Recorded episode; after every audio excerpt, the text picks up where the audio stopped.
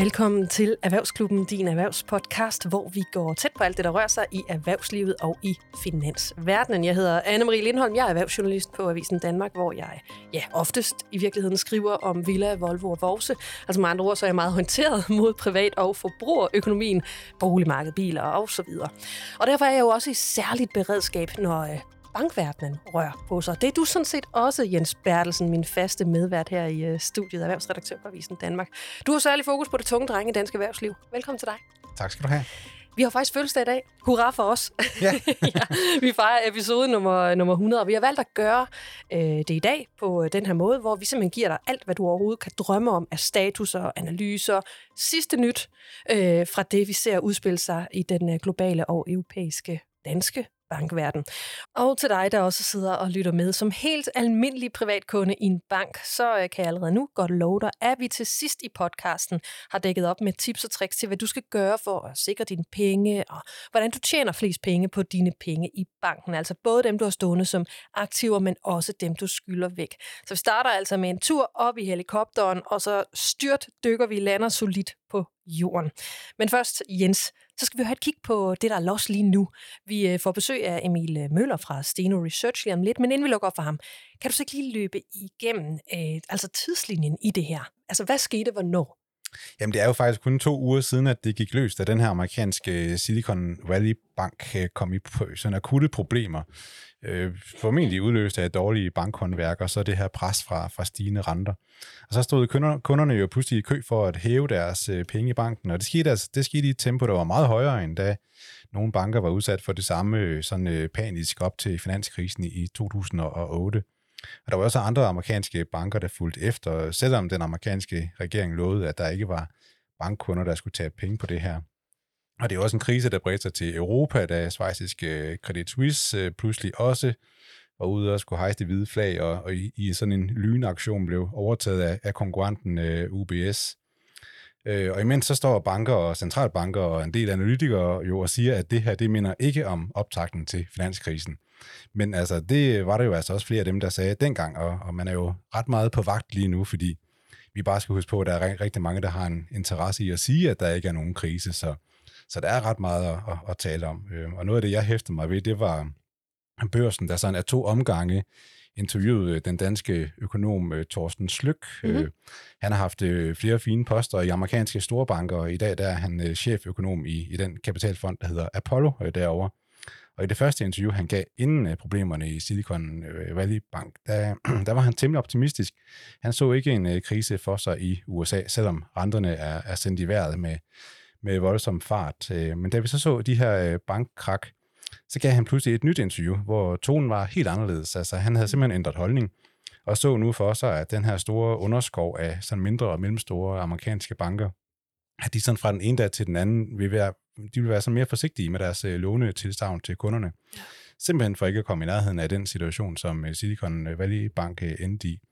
Og det, at de alle sammen pludselig øh, tøver på samme tid, altså det kan så pludselig udløse den øh, recession i USA, som Thorsten Slyk altså et par uger tidligere slet ikke øh, troede på. Mm-hmm. Så altså, det har fortalt mig noget om, hvor usikker en tid vi er i, sådan rent økonomisk, og, og hvordan sådan enkelt hændelser i den kommende tid her kan få, kan få stor betydning, også, også for os øh, hjemme i, i Danmark. Ja, og vi kan jo allerede nu godt afsløre de banker, vi lige uh, taler om her, for hvem der kom, uh, som kom på glat is. Det er, jo ikke, det er jo ikke, fordi det er fløjet fuldstændig under radaren, altså i forhold til de dårligdomme, de har båret rundt på. Det har vi sådan set godt været, været klar over, at det var ikke dem, der stod stærkest, uh, eller lå stærkest i feltet. De dårlige domme, blandt andet, bliver vi klogere på nu.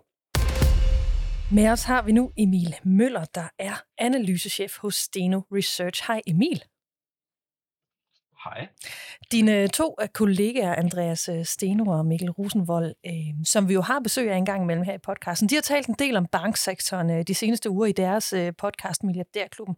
Og de kaldte jo det her krak i øh, Silicon Valley Bank, før det skete, og de kaldte også problemerne med Credit øh, Suisse, før det gik øh, for alvor øh, galt. Hvad var det, de og du jo også kunne se udspille sig for begge banker?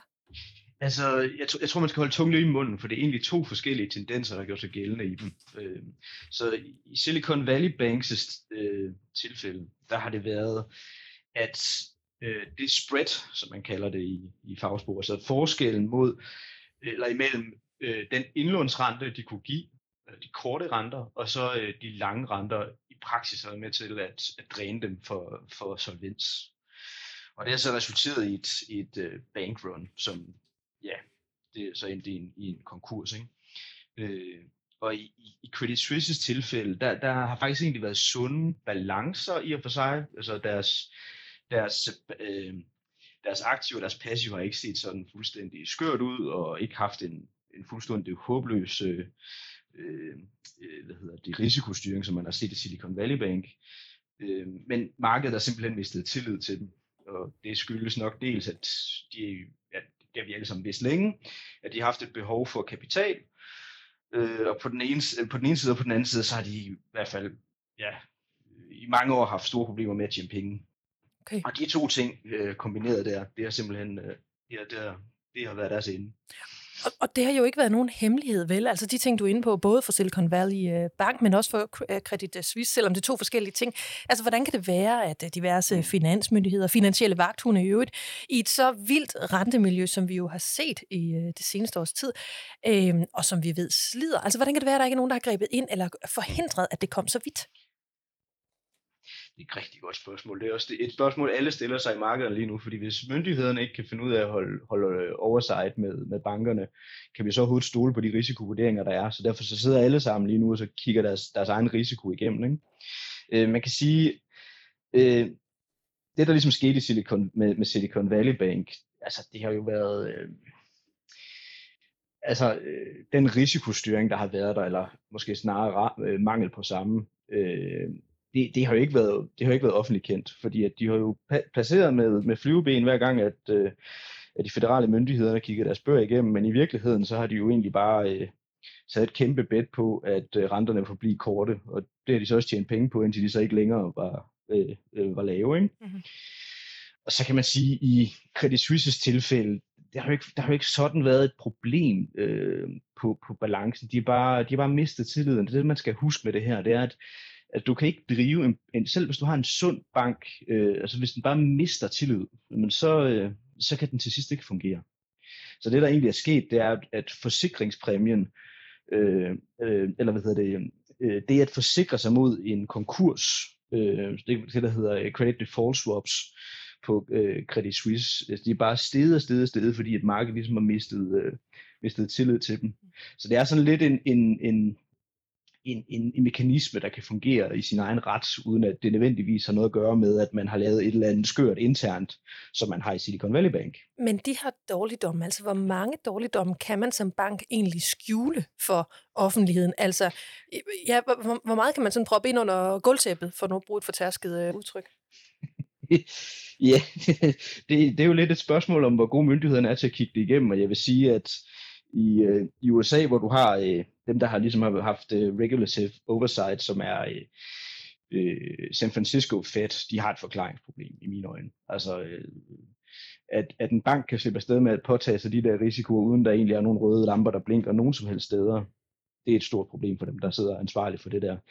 Så det er jo sådan lidt, et, altså, moderne banker er så, komple- så komplekse, at, at du skal virkelig ind i den sorte boks, for at du være helt sikker. Øhm, og dem, der ligesom har primært øh, adgang dertil, det er bankerne selv, og så øh, myndighederne. Og når det fejler, jamen, så, så, så er det svært at, øh, så er det svært at gøre så meget ved det. Men det vi ved nu, og hvis vi lige skal kigge på tidslinjen i det her, hvornår var det så egentlig, mm. at det gik ja. galt for, for, for Credit Suisse? Er det i princippet først gået galt nu, fordi at, øh, at kunderne har mistet tilliden? Nej, nej, nej, nej. Uh, altså, Credit Suisse har været en, uh, en mildest talt retsskandaleombudsbank i overvis. Altså der snakker vi om øh, altså, øh, fravær af kundetjek. Øh, sådan, altså, de har jo haft kunder inden, der har været kriminelle. Øh, jeg har haft bulgarske gangster, der har øh, hvidvasket penge igennem Credit Suisse. Vi har haft korrupte politikere, de har haft, øh, som de har øh, forvaltet penge for. Det er også, hvis man kigger på der, deres, deres kundeportefølje, der har også været læks derfra, det ved vi jo fra, fra pressen, altså så er det sådan ret lyssky personligheder, og de har også af samme årsag modtaget en masse, en masse søgsmål, øh, som øh, øh, sandsynligvis, i hvert fald for en vis grad, øh, kommer til at resultere i nogle bøder, hvilket også øh, overtagelsespartneren UBS har krævet øh, statslig forsikring mod, at øh, de kunne blive dækket, eller så vil de simpelthen ikke overtage dem. Så nej, det er sådan en lang proces om, hvor at man simpelthen bare har mistet tillid til dem. Og øh, det skyldes også, at Credit Suisse sådan aktivt har forsøgt sådan, at det er den måde, vi tror, vi kan tjene penge på, det er ved at, ved at betjene de her kunder, øh, og så håber vi på, at ingen finder ud af det, og det var så lidt naivt, ikke? Det virker som et overflødigt spørgsmål, altså at spørge dig om, hvad, hvad det siger dig om Credit Suisses mm. måde at agere som bank på. Ja, men der, i industrien har de været lidt en joke i overvis. Det, det, det tror jeg ikke. Nogle gange så kalder vi dem debit Swiss. Øh, sådan i jest, ikke? Øh, så, ja. altså det, det, ja. det alle går og spørger sig om, også alle i øh, bankeksperter, mm. analytikere osv., øh, det bliver jo spurgt om mm. hele tiden. Hvad bliver det næste, der sker? Altså rammer det her flere banker? Hvad, hvad er dit bud? Altså de tendenser, vi ser, er egentlig strukturelle. Man kan bare sige, at i Silicon Valleys øh, tilfælde, så, så, så det bare... Øh, øh, så det er bare lidt, øh, lidt mere ekstremt. Men det, det vi egentlig ser, det er, at der kommer et, altså bankerne tager tab på de obligationer, de har, fordi renterne er blevet skudt op.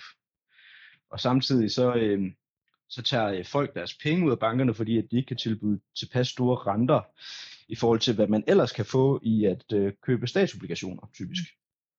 Så, og dem, der er mest eksponeret over for dem, det er ligesom de svageste led, ikke? Det er små banker øh, med, øh, med, øh, med øh, relativt lav kapitalradio og, øh, og øh, en dårlig risikostyring. Øh, og det, det er derfor, at, at det her det nok ikke lige går væk lige i forløbet. Ja, fordi der er jo faktisk en række analytikere, der vurderer, at flere øh, amerikanske banker vil komme med likviditetsproblem i den kommende tid. Altså er du enig i, i det, og hvorfor er det i givet fald, de vil komme med det? Jamen det er fordi, at, at, at øh, renterne ikke ser ud til at blive nedsat sådan lige med det samme, og øh, i mellemtiden så bliver de nødt til at, eller i mellemtiden så vil øh, de blive drænet for øh, depositor.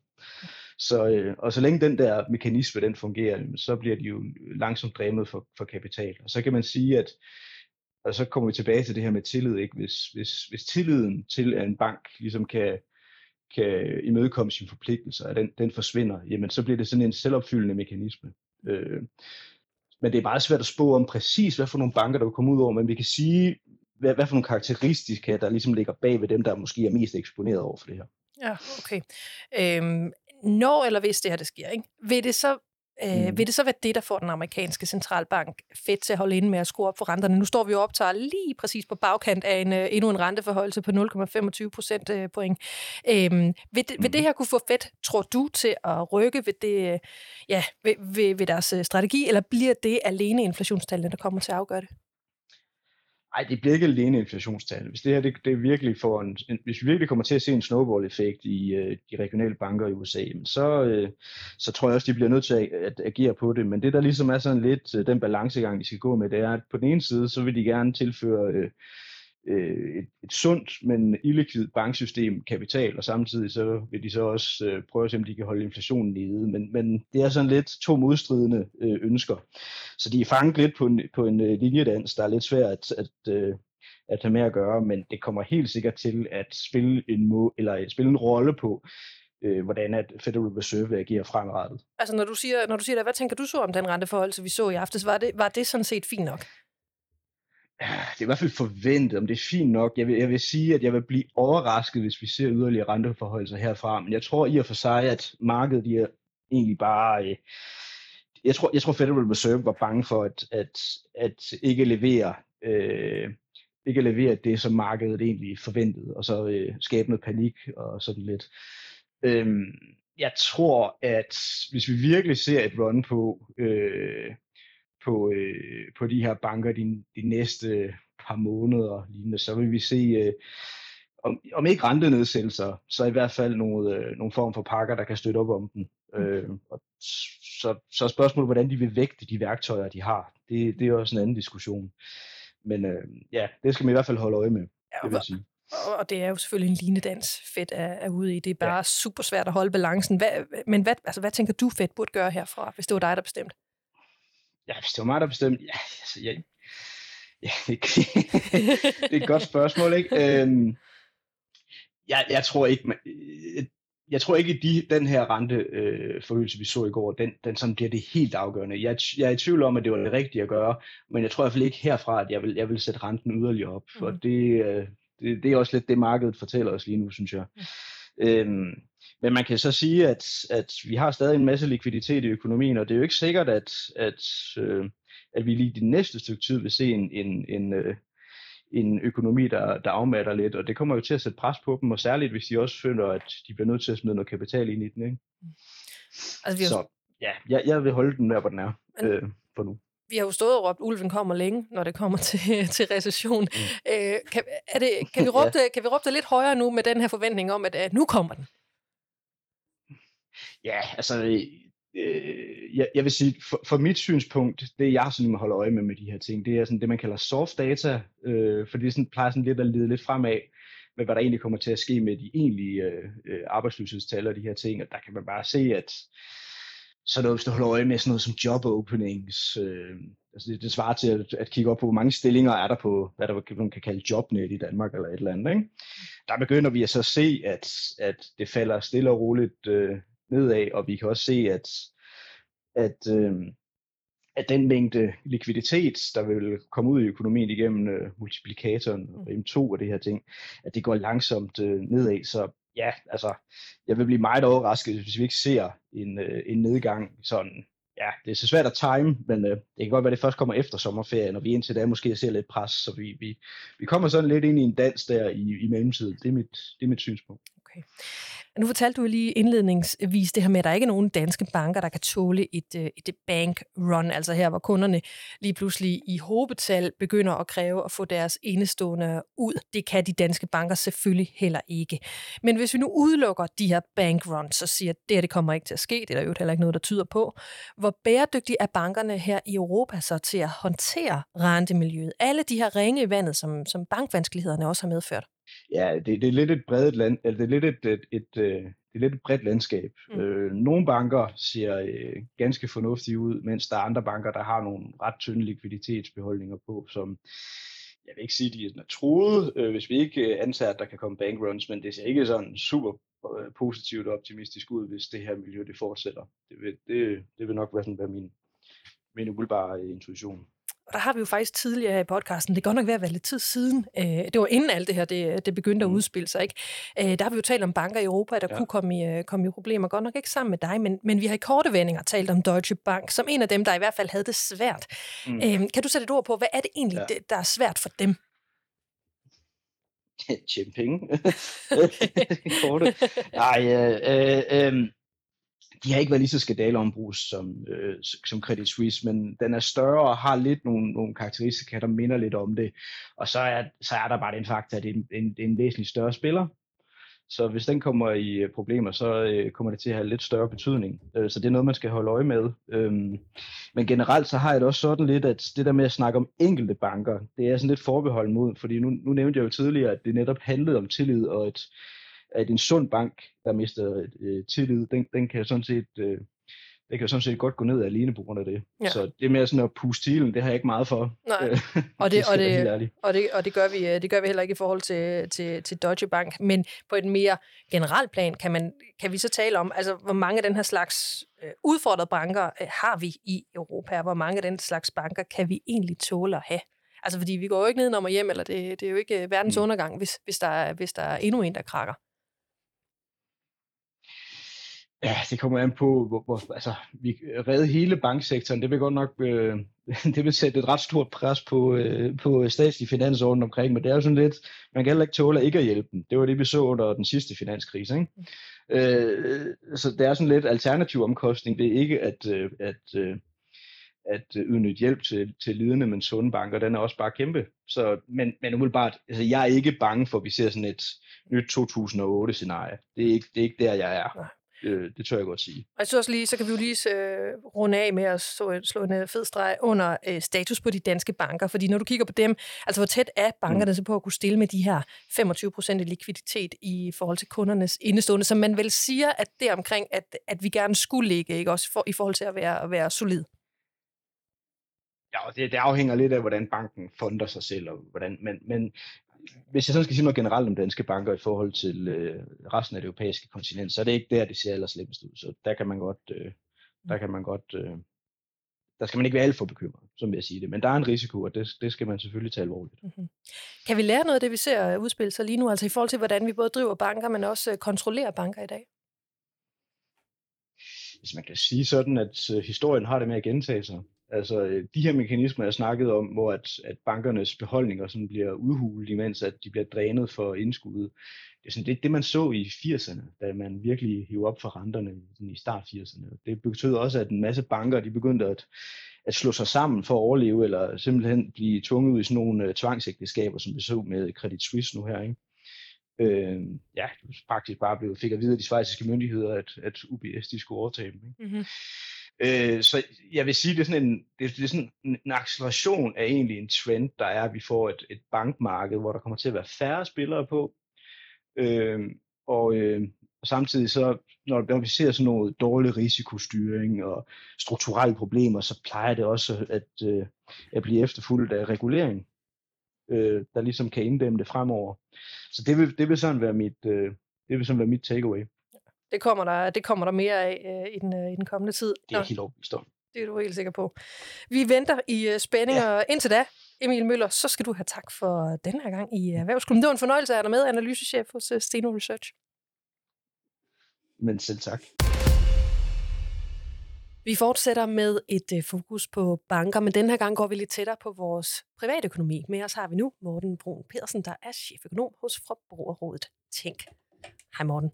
Hej hej. Altså al den her snak om banker, der krakker, og den generelle uro, vi ser i den finansielle sektor, den har, det har jo sikkert fået mange til at spørge sig selv om, hvor sikkert er det egentlig at have mine penge stående i banken. Og det er heldigvis ret sikkert, men der er altså flere ting, du selv kan gøre for at være på den sikre side. Fordi som vi hørte øh, lige før, da Emil Møller var igennem, så er der selvfølgelig en indbygget Morten, først og fremmest, så skal du som bankkunde se på, hvor mange penge du har i din bank. Hvorfor skal vi egentlig det? Jo, det er jo, det er jo en god idé, fordi at selvom bankerne, som sagt i Danmark, de er, de er meget sikre at, at putte sine penge ind i, så, så er der altså nogle, nogle regler omkring, øh, hvis det skulle gå øh, galt, og en bank går ned, så er der nogle regler omkring indskydergaranti, hvor der er en ordning, hvor man siger, at øh, alt under de der 750.000 kroner, jamen øh, det, det, får du, det, det får du dækket, hvis banken den går ned. Så, så går den her indskydsgarantiordning ind og dækker det. Og, øh, og så derfor har du en, en vis sikkerhed der. Så, så hvis du har mere end det, så er det med at få det spredt ud på, på flere banker. Okay. Og hvad så, hvis du har, lad os sige, 1 million kroner i frie midler? Det lyder jo dejligt. Øh, og de står i din bank, men til gengæld har du også en gæld på, på 300.000 kroner, altså i samme bank. Hvad, hvad så? Jamen, så vil jeg sige, så er du sådan set safe eller sikker, fordi så er du øh, under de der 750.000 kroner, når vi, vi netter det hele ud øh, trækker de der, den gæld, du har på de der øh, 300.000 kroner fra, så er du under øh, samlet set øh, de der 750.000 kroner, så der er du sådan set også sikker. Og det er jo sådan set også dig, hvis du er gift, så, så, så det, gælder det jo, din ægtefælle har jo også en mulighed for at skyde ind på, på med 750.000 kroner. Okay. Og altså, det er måske lidt mere relevant i den her forbindelse at tale om, hvad nu hvis vi har penge i europæiske banker, hvor der i hvert fald er en øh, bank, der er kommet på glat is. Hvordan er du stillet der? Jamen, øh, nu, øh, nu øh, Schweiz, lige Schweiz er jo uden, det er jo en svejsisk bank, der er, der er problemer her i Europa. Den er uden for EU, og der, der, der, men jeg vil i hvert fald sige, hvis du er inde i EU-land, så, så er du i hvert fald dækket af en ordning, der, der er ligesom den danske her, fordi det er nogle EU-regler. Det er også nogle EU-regler, der sikrer, at øh, bankerne i dag er mere sikre, end de var, hvis nu man for eksempel tænker på øh, før finanskrisen så, så bankerne i dag, der er kommet masser af regulering, der gør, at de som udgangspunkt er meget mere sikre. Plus at vi nu har fået den her, øh, som nu øh, faktisk har eksisteret i nogle år, den her øh, indskydergarantiordning med de 750.000, der er dækket altid.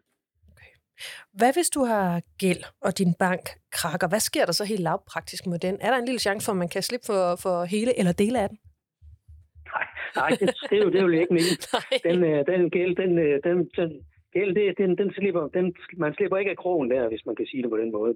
Øh, fordi at øh, hvis nu en bank krakker, så, så kan der jo ske flere forskellige ting. Enten at der får noget kapital og fortsætter, eller at den bliver overtaget af en anden bank, eller at den ryger ind i det, der hedder finansiel stabilitet, og alle de der myndigheder, der, der ligesom tager, overtager den her bank, og så sælger øh, de gode engagementer til nogle andre banker, hvis ikke der er nogen banker, der vil overtage hele banken.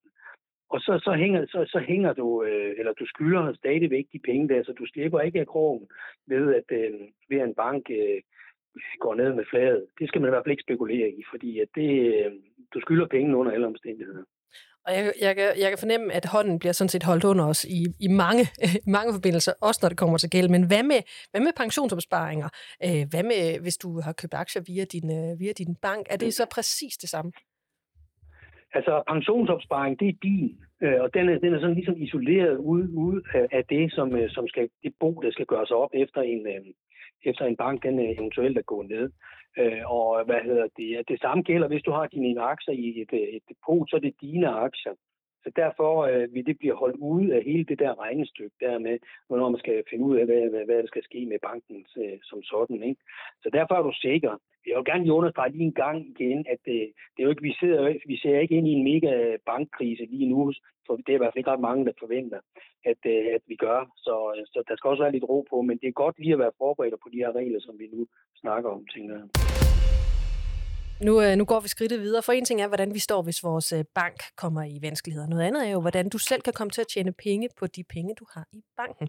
Morten, når du kigger øh, på renteniveauerne, som, øh, som jo møder de danske bankkunder hver eneste dag, øh, altså for, for kunder, der for eksempel har opsparet penge, der øh, står i banken, hvad tænker du så om de niveauer, vi, øh, vi kigger på?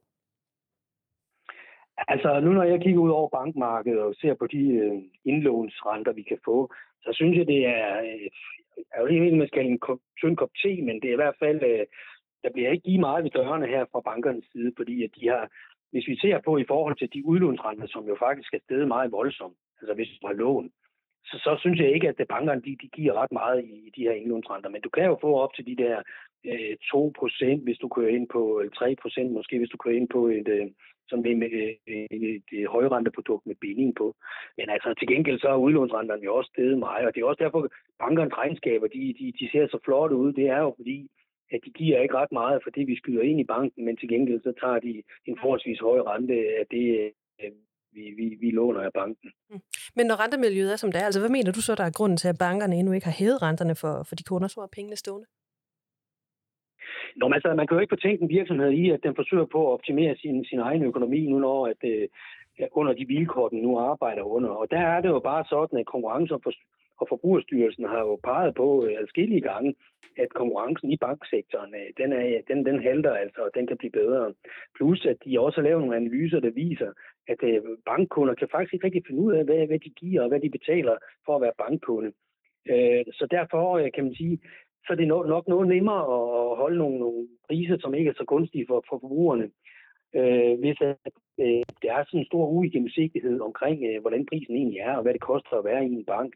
Så det tænker jeg, det er nogle af de mekanismer, bankerne ligesom spiller på for ligesom at, øh, at, øh, op, optimere deres, deres egen økonomi. Og det kan man dybest set ikke fortænke dem i, at hvis det er sådan en mulighed, at man kan, øh, man kan gøre sådan noget med, at konkurrencen ikke fungerer, jamen så, så vil en hvilken som helst virksomhed jo forsøge på at tjene flest mulige penge. Så derfor mener vi jo i Forbrugerrådet tænke, at man skal gøre noget med konkurrencen. Men Morten, jeg tænker jo på, om ikke det er et farligt tidspunkt, hvor bankerne er, er, er fedtet med de her indlånsrenter, fordi det er jo lige nu, at de ikke har behov for, at øh, mange af os trækker vores øh, kontanter ud af bankerne for at og måske også søge sted hen, hvor man kan få en lidt, mere, øh, en lidt, lidt bedre forrentning. Så jeg ved, altså undrer du dig også over, at de ikke gør mere for, at vi skal lade vores penge øh, stå hos dem øh, lige nu her, hvor de sådan selv skal vise, at de er robuste og har masser af, af likviditet? Ja, det kan man sige, at, øh, at hvad hedder det, at de, de altså, altså jo, jo, jo lavere rente man får på sin indlån, jo mindre skal der jo til, før man, man finder på alternative muligheder for at placere penge, det vil sige trække dem ud af banken men altså, nu, nu står vi jo ikke i en total øh, finanskrise og sådan noget, hvor at, øh, at, øh, at øh, folk er utrygge og alt muligt ved, ved, ved, ved at skyde penge ind i banken. Men det er en, det er en god pointe, du nævner der med, at, at, at, at, at når de, man ikke får ret meget for sit indlån, jamen så, så, så, så, er der, så er der jo andre muligheder uden for banken, tænker jeg, hvor folk kunne øh, få en, måske en højere forrentning eller, ja, af, deres, af deres midler. Men tror du, at det her det så kunne blive startskud til, at bankerne faktisk går i gang med at hæve renterne på deres øh, indlån? Altså måske ikke direkte øh, som en konsekvens af den her øh, finansielle uro, vi ser, men, men også lidt på grund af den? jeg tror ikke, de er så, det er så, jeg tror ikke, det, det tror jeg faktisk ikke. Fordi så, så, så, øh, så rentefølsomme tænker jeg ikke, at øh, forbrugerne er, fordi altså, øh, at mange kan heller ikke, som jeg sagde før, gennemskue, hvad, hvad de egentlig får og betaler i banken. Så, øh, men altså, det er der noget, bankerne, jeg mener, de bør være opmærksom på, at, øh, at der er altså muligheder også for, for at placere sine penge uden for banken. Og det kan jo være, at vi kommer ind på det lidt senere måske. Ja, fordi alle danske bankkunder, altså lige nu, burde de tage et tjek på deres, øh, på deres konti, se om de har frie midler, og så tage sig en snak med banken. Er det i virkeligheden det, du, øh, du, du står og råder dem til? Ja, det er i hvert fald en af de ting, jeg råder dem til. Det er, øh, og det gør jeg jo sådan set altid, at man forsøger på ligesom at bruge øh, bankmarkedet øh, og, og til sin egen fordel også. Fordi der er jo nogle forskelle på de her indlånsrenter. Det kan vi også se på, når man kigger ud over bankmarkedet, at øh, der er jo forskelle på, hvad man kan få øh, på de der forskellige højrenteprodukter. Men der er jo nogle ting, man lige skal være øh, opmærksom på, når man sammenligner de her ting. Fordi at der, hvis du skal ind på højrenteprodukt og for at få den der forrentning på de der 2-3 procent, øh, så, så, øh, så, så, så er der jo også noget med nogle bindinger, og så noget, man skal, man skal lægge mærke til. Altså, hvor lang tid skal du binde pengene i banken for at få øh, den høje rente?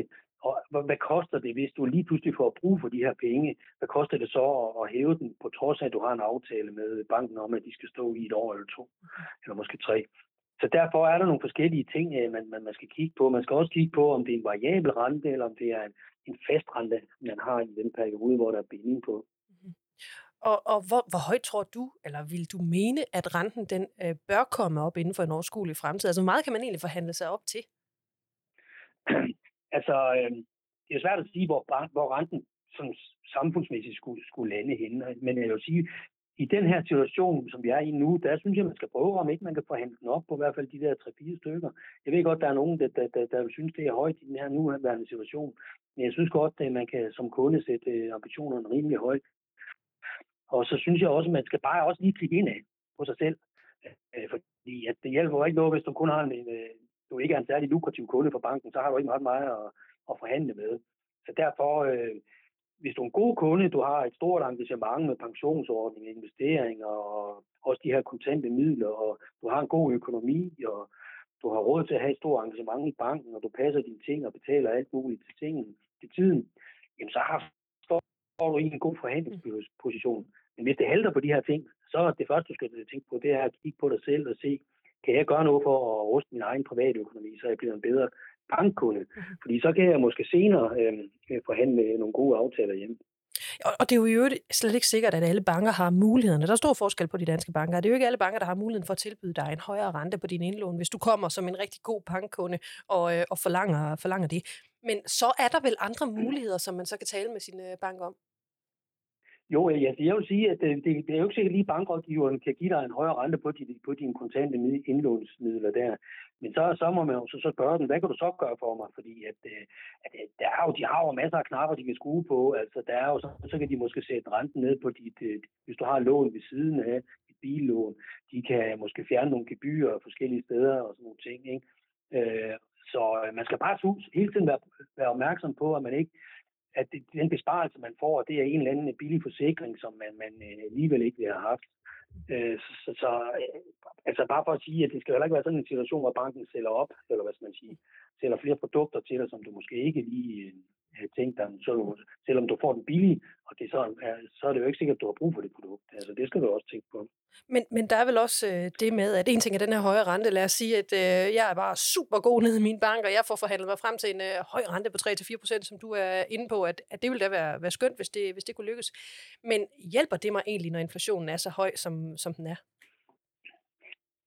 Vi har jo det problem, øh, som du er inde på, der, at vi har jo en inflation, der æder ens købekraft op, når pengene de står øh, måske til en rente på 3-4 øh, procent, hvis man kunne få det forhandlet helt derop. Så har vi jo stadigvæk en inflation, hvor man kan sige, at, øh, at den ligger måske på de der 6-7 stykker sådan på årsbasis i øjeblikket. Ikke? Øh, øh så, så, så, så, så, så hvis du får en rente på 4, så, så, så bliver din købekraft af de penge, du stod i banken, de bliver udhulet med, med 3% hver eneste år. Så derfor skal man jo ud og have et afkast, der er noget større, for at det, det ligesom kan dække øh, den købekraftsudhuling, som inflationen den står for. Så derfor skal man også kigge sig om, om ikke der er andre muligheder, der er bedre end måske lige at, at placere sine penge i, øh, i en bank. Ja, der ved jeg, at du har en væsentlig pointe, øh, præcis når det kommer til det her med at tjene penge på sine egne penge. penge fordi hvad kan man ellers overveje end, øh, en, en øh, højere rente på sin indlån, eller en lavere rente på sin, sin udlån? Jamen, jeg vil sige, at øh, i de her tider, der synes jeg, at det vil være oplagt at kigge på sådan noget som energirenovering af sit, øh, sit hus eller lejlighed, eller hvad. Øh, fordi det, så, øh, altså det du sparer ved det, altså i energiomkostninger, det, det, det er jo sådan set tjent, øh, og det er jo det, der så giver en forretning af, af den investering, kan man sige. Men udover det, så er der jo også stadigvæk øh, muligheder for at investere. Altså nu skal man jo ikke løbe øh, skrigende væk fra alt muligt, bare fordi der er nogle banker i USA og i Schweiz, der, som måske er sådan nogle isolerede øh, fænomener. Øh, så, så, så derfor synes jeg, at man skal også overveje, om ikke man skal investere øh, nu sine penge i, øh, det kunne være sådan noget som øh, de der billige investeringsfonde, altså ETF'er, hvor der er stor spredning og, nogle, og billige omk- og lave omkostninger. Og så have det lange lys på, det er jo det råd, vi altid giver her i forbruget og tænker om at investere, have det lange lys på, at man holder det i lang tid. Man skal ikke, øh, hvis du skal købe en lejlighed om, øh, om et år eller to, så, så skal du ikke putte pengene ind i, i aktier eller investeringsforeninger og sådan noget. Så, så, så er der nok øh, det bedste at bide de sure æbler, at den placeret i, i banken. Altså, og så selvom det så også til en meget lav forretning, der måske endda bliver et lidt op af inflationen. Fordi ja, det skal være sådan, at du kan bruge de penge til udbetaling til lejligheden nu, når øh, der er gået år eller to. Og således fik vi en masse gode tips og tricks, Morten Brun Pedersen. Tusind tak, fordi du var med i Erhvervsklubben. Ja, det er godt. Jens, vi, øh, vi slutter vores episode nummer 100 af med en snak om en liste, som har fået skæld ud øh, en gang imellem. Alligevel så skriver mange danskere medier øh, om den, hver gang den øh, udkommer. Det er den årlige øh, risikovurdering fra analysefirmaet Bank Research, hvor øh, Nikolas øh, Rode, der er ejer af Niro Invest, også hvert år tager alle landets banker og rangerer dem efter, hvor solide de er. Øh, og nu er det jo øh, snart et år siden, at den sidste liste den øh, udkom. Øh, Jens, hvad viste listen dengang? Jamen det er rigtigt. Den seneste liste, den er fra april 2022, altså cirka et år gammel, og så baseret på regnskaberne for, for 2021. Og øh, konklusionen dengang var altså, at det især var de sådan lokale og regionale banker, der, der lå øh, rigtig godt, når man ser på de 21 nøgletal, som øh, Bank Research ligesom tager udgangspunkt i. Og Danske Bank lå faktisk meget lavt, øh, som nummer 46 ud af 50 banker. Og det protesterede banken jo voldsomt imod og pegede på internationale ratingbyråer, der, der placerer Danske Bank blandt de allermest robuste i, i Europa. Så den er lidt udskilt, den her liste, men det, det er bare sådan, det er klart en liste, som bankerne er optaget af at, at ligge i den gode ende på. Men hvad kan vi bruge sådan en liste til? Jamen, det er jo en liste, der opgør bankernes risiko ud fra sådan nogle objektive kriterier. Øh, så kan man altid diskutere, om det er de rigtige nøgletal, som, som Bank Research tager fat i. Men de har en vis øh, slagkraft, fordi efter finanskrisen, der viste det sig, at 15 ud af de 22 banker, der, der krakkede, de havde på forhånd fået en bundplacering på øh, risikovurderingen fra Bank Research. Mm. Og en del af dem var jo lokalbanker, og det ser så ud til, at, at dem, der overlevede, jamen, de er så blevet mere øh, robuste siden. Som vi jo også har været inde på her øh, lidt tidligere i Erhvervsklubben i dag, så er der jo kommet en massiv regulering af bankerne. Mm-hmm. Så risikoen øh, bør ikke være så stor, som den var op til finanskrisen. Men når du sidder og kigger på listen, er der så noget, der får dig til at løfte øjenbrynene? Jeg kunne ikke være med at se på, på den her liste, som er øh, et år gammel, altså, og, og nogle af de banker, der ligger i bunden, der er jo nogle kendte. Nogen, altså Coop øh, Bank ligger aller, aller sidst, øh, og Coop har jo altså rigelige problemer at slås med i øjeblikket, sådan i deres primære forretning med dagligvarerbutikkerne og den her discountkrig, som de, de har gang i, så, så de har overhovedet ikke behov for, at den øh, bank, som øh, bestyrelsesformanden Lasse Bolander jo har insisteret på, at, at Coop skulle have, at den er blandt de allermest pressede i, i landet, men øh, det var den altså sidste år. Mm. Øh, det samme var Merkur Andelskasse, som jo er specielt, fordi det er sådan en udpræget nichebank, der, der er længe før alle andre øh, dyrkede øh, bæredygtighed og, og sådan gav fordelagtige lån til elbiler og den slags. Men altså nu jeg forstår jo godt, hvorfor Coop Bank ikke har heller overhovedet noget brug for at komme til at ligge i bunden af den liste, når den mm-hmm. udkommer næste gang. Øh, men vi kan vel ikke sige, at bare fordi du ligger i bunden af den her liste, så er det ens med, at banken vil få det svært. Nej, og Nikolas Rode, som står bag listen, han sagde sidste år, at, at der så ikke ud til at være banker, der var i fare for at krakke, altså heller ikke i bunden af listen. Altså der er jo okay. trods alt nogen, der skal ligge, ligge sidst. Øh, og det er vigtigt at sige, fordi bare det at tale om, at en bank er i problemer, det kan jo blive selvopfyldende, hvis øh, kunderne hører det og, og reagerer ved alle sammen at gå hen og, og hæve deres øh, penge på, på én gang. Så der er meget kommunikation her, man skal være opmærksom på. Men altså, vi må se, om ikke der, der er en ny liste på vej. Øh, lige i det her forår, der har man altså ikke lyst til at være bundskraber på den her liste, er jeg sikker på. Det var alt, hvad vi havde med til dig her fra Erhvervsklubben i denne uge, hvor vi sendte episode nummer 100. Det var en dejlig uge. Uh, tusind tak for denne gang, Jens. Ja, selv tak. Til dig, der lytter med. Vi høres ved igen om syv dage.